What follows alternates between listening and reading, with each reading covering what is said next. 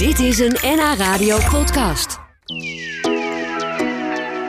Lisa Wiersma uit Amsterdam is kunsthistoricus en schilder. En we kennen haar van het tv-programma Het Geheim van de Meester, waarin oude meesterwerken tot in detail worden nagemaakt. Nou, de afgelopen maanden heeft ze in het Rijksmuseum gewerkt aan de grootste klus die je maar kan verzinnen. Ze heeft de nachtwacht van Rembrandt nagemaakt. En ik sprak haar net voordat de eerste aflevering te zien was op tv. En in eerdere series van Het Geheim van de Meester was me al opgevallen dat Lisa een hele vaste hand van schilderen heeft. Hoe doet ze dat? Ja, ik, dat is denk ik oefening. Ja, Ja, dat moet Veel, haast het wel. veel doen. Heel veel. Ja, jij doet dat veel en je hebt het afgelopen half jaar een heel bijzonder project gedaan. Dat denk ik veel mensen misschien wel gevolgd hebben. Die ofwel in het Rijksmuseum kwamen of misschien wel eens eh, het op internet zagen. Jij hebt een reconstructie gemaakt van de nachtwacht van Rembrandt. Ik niet alleen gelukkig. Nee. Laat ik dat weer voorop. Dat lijkt me helemaal niet te doen. Nee, dan had ik het niet gedaan, denk ik. Eh, nee, eh, we hebben een, eh, inderdaad een reconstructie gemaakt op zaal in het Rijksmuseum, deels met publiek. Wat ook erg leuk was. Ja, was dat niet ook een beetje eng dat iedereen zo op je vingers zit te kijken? Ja, nou, het voordeel daarin voor ons was dan dat toen we begonnen het museum dicht was. Dus dan kun je even wennen aan eh, Oh ja. waar je zit. Ja. Ehm, toen waren we wel inderdaad een beetje bang voor als ze, als ze weer zouden komen, de mensen. Eh, maar dat, het, dat, dat viel heel erg mee. Je zit echt te werken en je zit echt zo in je, in je werk Ja. gezogen dat je het niet zo merkt. En als mensen dan je aanspreken en een vraag stellen, dan is dat heel erg leuk. Ja, is je- ook wel weer, ja, ja, je kunt ook wel weer je ei erin kwijt natuurlijk. precies. Ja, je zei net al, Lisa, niet helemaal alleen natuurlijk. Daar hangt een heel team omheen. Naast schilders ook natuurlijk nog meer onderzoekers. Eh, onderzoeksteam van eh, vier mensen op beeld. En natuurlijk nog een redactie achter het programma. En, eh, eh, en allemaal mensen die er een heel mooi programma van maken in beeld en Ja. verhaal. Ja, vanavond nee, te zien op tv. Hè? Dus Vanavond dat voor het eerst op tv. En dan vier weken achter elkaar. Of in, in vier afleveringen dus. Omdat het zo'n groot en belangrijk schilderij is. ja. Ja, en, en jij bent zes maanden, of jullie zijn zes maanden bezig geweest. Terwijl ik begrijp dat eh, Rembrandt eh, twee jaar gewerkt heeft aan het schilderij. Dus eh, hoe kan dat dan? Is, gaf dat heel veel stress en tijdsdruk? Ja, tijdsdruk zeker. Aan de andere kant denk ik dat Rembrandt er wel ook ongeveer dezelfde aantal uren in heeft zitten. Hoeveel uren zijn dat ongeveer? Eh, ja, ehm, laatst uitgerekend. En dat, eh, dat, dat is voor mij een uurtje of 550 geweest, waarschijnlijk. Eh, en dan zeker het dubbele en dan nog wat meer met de andere schilders erbij. En, en ja, vermoedelijk heeft Rembrandt ehm, ook zijn medewerkers en leerlingen ehm, natuurlijk gevraagd om mee te helpen. En hij heeft het in een periode van twee à drie jaar gemaakt, is de, is de gedachte. Alleen hij heeft in die tijd ook andere werken afgeleverd. Dus is niet dat ze voltijds aan de nachtwacht bezig waren. Dus ik ah, ja. Ja. denk dat eigenlijk dat aantal uren best representatief zou kunnen zijn. Ja, ja. Jij, jij hebt het wel zelf allemaal geschilderd. Jij had niet allemaal leerlingen die eh, stukjes konden, konden overnemen. Nou ja, ik had dus collega's. Hè. We, zijn met, eh, we zijn met in totaal vijf, eh, zes schilders geweest eigenlijk. En ik dan de hele tijd. En mijn zusje Maria ook. En eh, collega Indra Kneepkens was er ook de hele tijd bij. Maar zij dan eh, nou, een dag of twee in de week, geloof ik. Eh, en aan het begin en aan het eind kregen we nog wat, nog wat extra hulp. Om de laatste loodjes Ja. te halen. Ja, want het moest natuurlijk op een gegeven moment af. Er was gewoon een deadline, Ja. toch? Namelijk de eerste uitzending, denk ik dan. Of wat, wat was de deadline? Nee, nee, de montage van het programma duurde ook nog maanden. Nee, dus we zijn half september gestopt met Ja. schilderen. Ja, gek lijkt me. Eh, dat is dus alweer een tijdje geleden. En vanavond zie je het dan op tv. Eh, vertel even hoe, hoe het begon. Eh, wa- wa- waar start je als, als er gezegd wordt... nou, we gaan leuk de nachtwacht reconstrueren. Een schilderij van, hoe groot is het eigenlijk? 4 bij 5? 5 Ja, precies. eh 20 vierkante meter. Eigenlijk ter grootte van de slaapkamer, bedacht ik laatst. Ja, zoiets. maar dan tegen. Eh, ja. Ja, hoe je- begin je? Hoe, waar, hoe het je dat begon natuurlijk het hele project omdat het Rijksmuseum bezig is met operatie nachtwacht. Zij zijn de, de echte nachtwacht zijn ze aan het eh, in kaart aan het brengen wat de conditie is van het schilderij en wat, welke restauraties er nodig zijn. En daarom is er heel veel data gegenereerd. Eh, en daarom zei het Rijksmuseum ook, ja, als je de nachtwacht ooit zou willen reconstrueren, is dit het moment? Is dat misschien een idee? Eh, dat, dat, ja, dan wordt er natuurlijk ja gezegd. En ik, ik heb ook ja gezegd. Um, en dan, dan ga je dus die data bestuderen. En vervolgens ga je uh, kijken naar wat 17e eeuwse schilders deden. Wat Rembrandt deed, voor zover we dat weten. Van bijvoorbeeld onderzoek van Ernst van de Wetering. Uh, die vorig jaar is overleden. Um, en ja, dan, dan met die data en wat je weet, doe je een soort educated guess van nou, het zou zo kunnen zijn gegaan. We weten het niet zeker. En we hebben natuurlijk ook keuzes moeten maken vanwege de omstandigheden dat we in een museum schilderden en de tijdsdruk en dat soort dingen. Maar we hebben zoveel mogelijk geprobeerd te laten zien hoe het zou kunnen zijn gegaan. Ja, en, en dan ga je beginnen. Dan ga je eerst misschien een schets maken. Dat zal Rembrandt ook gedaan hebben in zijn tijd. Ja, die ging natuurlijk nooit zomaar even met een kwast zo lekker uh, de boel gewoon gelijk vol schilderen. Zeker niet. Rembrandt had ook een ontwerp op een apart papier of een andere drager hebben gemaakt om de compositie te bepalen. Die heeft hij overgezet op dat grote doek. Uh, wij hebben met een carbontechniek zijn schilderij overgezet op het grote doek. Wat betekent dat? Uh, dat betekent dat je het overtrekt, dus de, de, de tekening in het begin. Je kan het natuurlijk ook zelf gaan tekenen en met rasters werken en zo.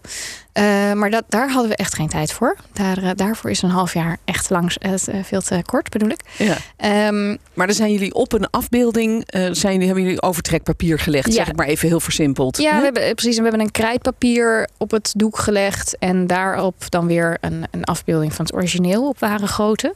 En dat hebben we overgetrokken. En dan moet je wel weten, het doek was al gekleurgrondeerd. Dus je zit niet op kaal linnen dan te tekenen. Um, maar er zat een bruine kleurgrondering op dat linnen. En we hebben wel gekozen voor een witte, uh, witte krijttekening. Om dan weer die krijtschildering van Rembrandt een beetje nog in ere te houden. Die we nu weten dat die onder de nachtwacht zit. Dat ja, die... want dat was een nieuwe ontdekking eigenlijk. Ja, precies. Van, van, het onderzoek van, het, het Rijksmuseum. Dat er ja. een, uh, ja, een soort grove penseeltekening in grijzig krijt tonen onder zit. Ja, dus dat hebben jullie ja. ook nog een beetje eigenlijk erin verwerkt. Ja, we hebben het meegenomen in ieder geval. Ja, ja, En, en hebben jullie ook dezelfde materialen gebruikt, vroeg ik me af. Want in de tijd van Rembrandt had je natuurlijk geen tubetjes. Je kon niet even naar de verfwinkel van doe mij uh, zoveel liter uh, blauw en uh, zoveel rood. Je moest het allemaal zelf maken. Hoe hebben jullie dat gedaan? we hebben het deels zelf gemaakt, maar ik moet wel zeggen, omdat we op zaal werkten, was dat ook beperkt. Aanvankelijk was er ook wel discussie over of dat op zaal wel zou mogen zelfgemaakte verf gebruiken. In verband uh, met giftige gezondheid. stoffen? Oh. Ja, nou ja, giftige stoffen hebben we dus sowieso niet op zaal gebruikt. Uh, dus daar, daar waren we al beperkt. Dus als er een, een verf, als er een, een, een giftig pigment uh, eigenlijk in het schilderij zit, dan hebben wij dat niet gebruikt. Nee, want vroeger gebruikte je natuurlijk lood. Precies, loodwit, arseenpigmenten. Oh, ja. Je kan het zo gek niet bedenken. uh, kwikpigment, er is rood.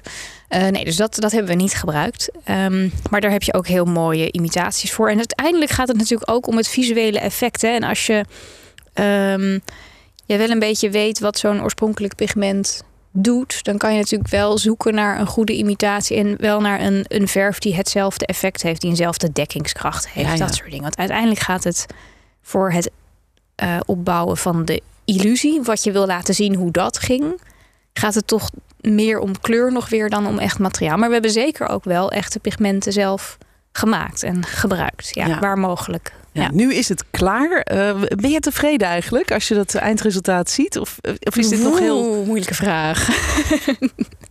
uh, ja, ik denk uh, we hebben ongelooflijk ons best gedaan. Het is, ja, je bent nooit tevreden. Ik had nog een maand door willen gaan natuurlijk, maar ook weer niet. Het is ook heel fijn dat er een duidelijk, duidelijk einde was.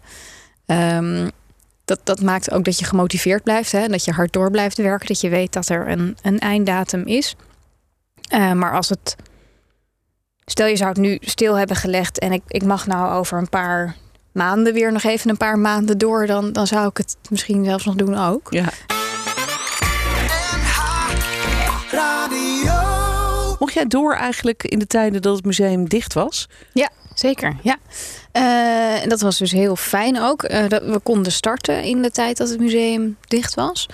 Uh, anders hadden we ook gewoon niet genoeg tijd gehad. Maar het was wel een, een afweging natuurlijk. Want we deden het ook deels op zaal. Omdat je er dan ook een educatief, of nou ja, zo, hoe je het maar wil noemen, project in het museum van maakt. En dat was natuurlijk toen niet aan de orde. Want Nee. niemand kon het zien. Nee. Uh, maar we dachten voor het begin, uh, laten we dat maar gewoon doen. Uh, begin duurde ook erg lang. viel een beetje tegen. Had een beetje problemen. Dus het was eigenlijk heel fijn dat er geen bezoekers waren. Ja, Konden we dat een beetje problemen oplossen.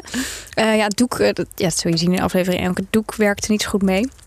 Het was heel droog en dat zoog de verf, verf op. Dus de eerste, het eerste stuk van het schilderij dat we erop hebben geschilderd verdween weer in het doek. Moest opnieuw.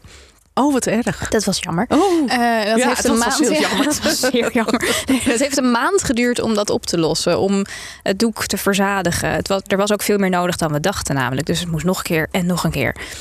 Uh, en dat, um, ja, die maand dat er dus ook geen bezoekers waren, dat was eigenlijk wel ja. prettig. Want zoveel hadden we niet om te laten zien op dat moment. Er ging gewoon een bruin doek met steeds weer een nieuw laagje olie erover. Wat frustrerend.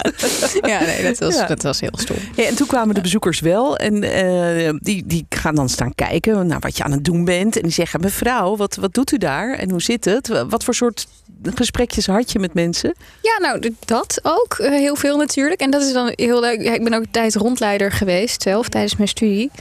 Um, dus het is heel leuk om dan te vertellen wat je doet, waarom je het doet. Uh, mensen, heel veel mensen weten niet hoe een 17e eeuw schilderij is opgebouwd. Dus die nee.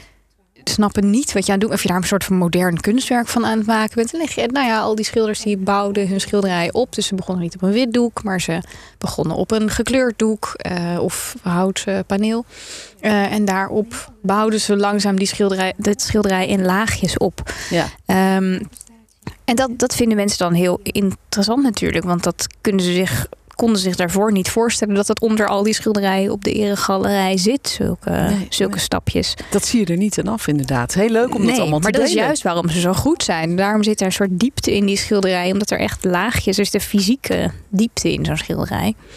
Um, en die laat je dan zien. Ja, heb jij eigenlijk tijdens het uh, schilderen, het, het, naschilderen, want dat heb je natuurlijk ook gedaan, het is een reconstructie, maar er moest ook gewoon geschilderd worden. Uh, heb jij nog dingen ontdekt die je nog niet wist van dit schilderij?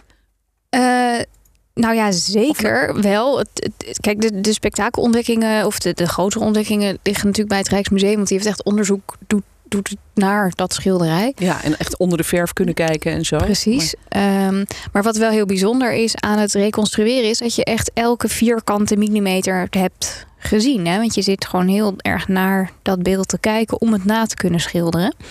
Um, dus je, je ziet veel meer dan wanneer je gewoon naar het museum... naar de nachtwacht gaat kijken. Maar het is wel... Um, er is een foto vrijgegeven nu van de nachtwacht in detail. Die gebruikten wij ook. En dan kan je helemaal inzoomen tot in het krakelé. Dus in de gebarsten verflagen. Um, en dat, ja, dat is zo betoverend. En je, uh, omdat je moet naschilderen, bekijk je elk stukje. Omdat je het na moet doen. Dus het is niet even verwondering, verwondering van... oh, wat leuk, je kunt ver inzoomen. Maar je ziet echt wat er is geschilderd. En heel kleine penseelstreekjes. En hoe verfijnd Rembrandt, die toch ook bekend staat om zijn snelle toets. Om ja. zijn uh, wat uh, grote gebaar. Precies, het raken grote gebaar.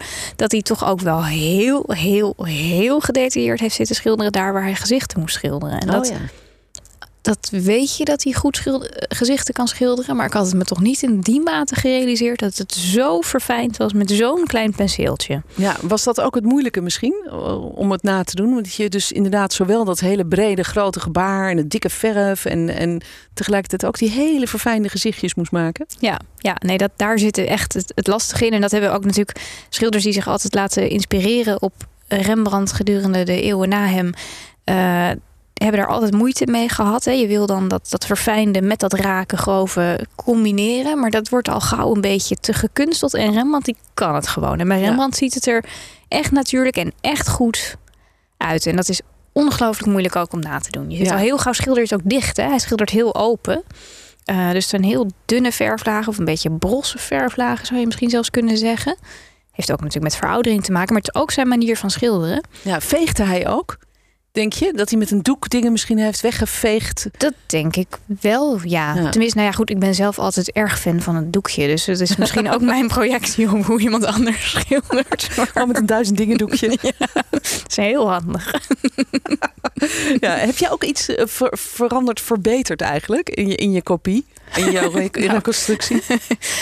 um, Rembrandt is altijd veel, veel beter uh, natuurlijk. Dat, dat, dat, je komt er niet helemaal van een afstandje. Uh, kan het wel leuk lijken, maar Rembrandt is natuurlijk veel mooier. Maar wat we wel hebben gedaan, ehm, is, kijk, hij heeft, heeft sommige stukken zo afgeraffeld. En dat kan ook gewoon, want de focus van je blik gaat daardoor naar de plekken die wel zijn uitgewerkt. Uh, maar er is één stukje, uh, die kruidjongen, die rent zo de, de, ja, de brug of wat het ook maar is, die straat uit naar je toe. En die heeft zo'n ongelooflijk ongedefinieerd gezicht. Uh, dat we hem net iets hebben aangescherpt. Want we dachten, ja, anders dan wordt dat ons aangerekend dat we dat gezicht niet goed hebben geschilderd. Dat het niet klopt. Omdat het er, als je ernaar gaat kijken, echt best een beetje gek uitziet. Je ziet nauwelijks waar zijn neus zit en zo. Het is heel moeilijk om te zien. En hij heeft gewoon geen ogen. Die zitten onder de helm. Dus dat, dat maakt hem heel onduidelijk. Uh, dus die, die, hebben dan net even een tikje meer gegeven, zodat dat niet opvalt, zeg maar. Dat dat niet helemaal af is geschilderd eigenlijk. Ja, dat ze niet kunnen zeggen, Lisa, wat heb je er een potje van gemaakt? Ja. Nee, Ja. goed. Geen potje dus. Eh, het is wel klaar. Blij mee. Heb je er ooit nachtmerries van gehad? S'nachts wakker geschoten dat je dacht, "Ah, ik moet dat nog doen of ik heb dat verkeerd gedaan? Nee, ik heb me wel natuurlijk altijd zitten bedenken, wat gaan we vandaag doen? Hoe gaan we dit oplossen? Maar het was zoveel dat je, er, dat je het ook heel makkelijk kan loslaten. Oh, goed zo. Dat het echt in het museum blijft. Dit was een NH Radio podcast. Voor meer, ga naar nhradio.nl. Radio.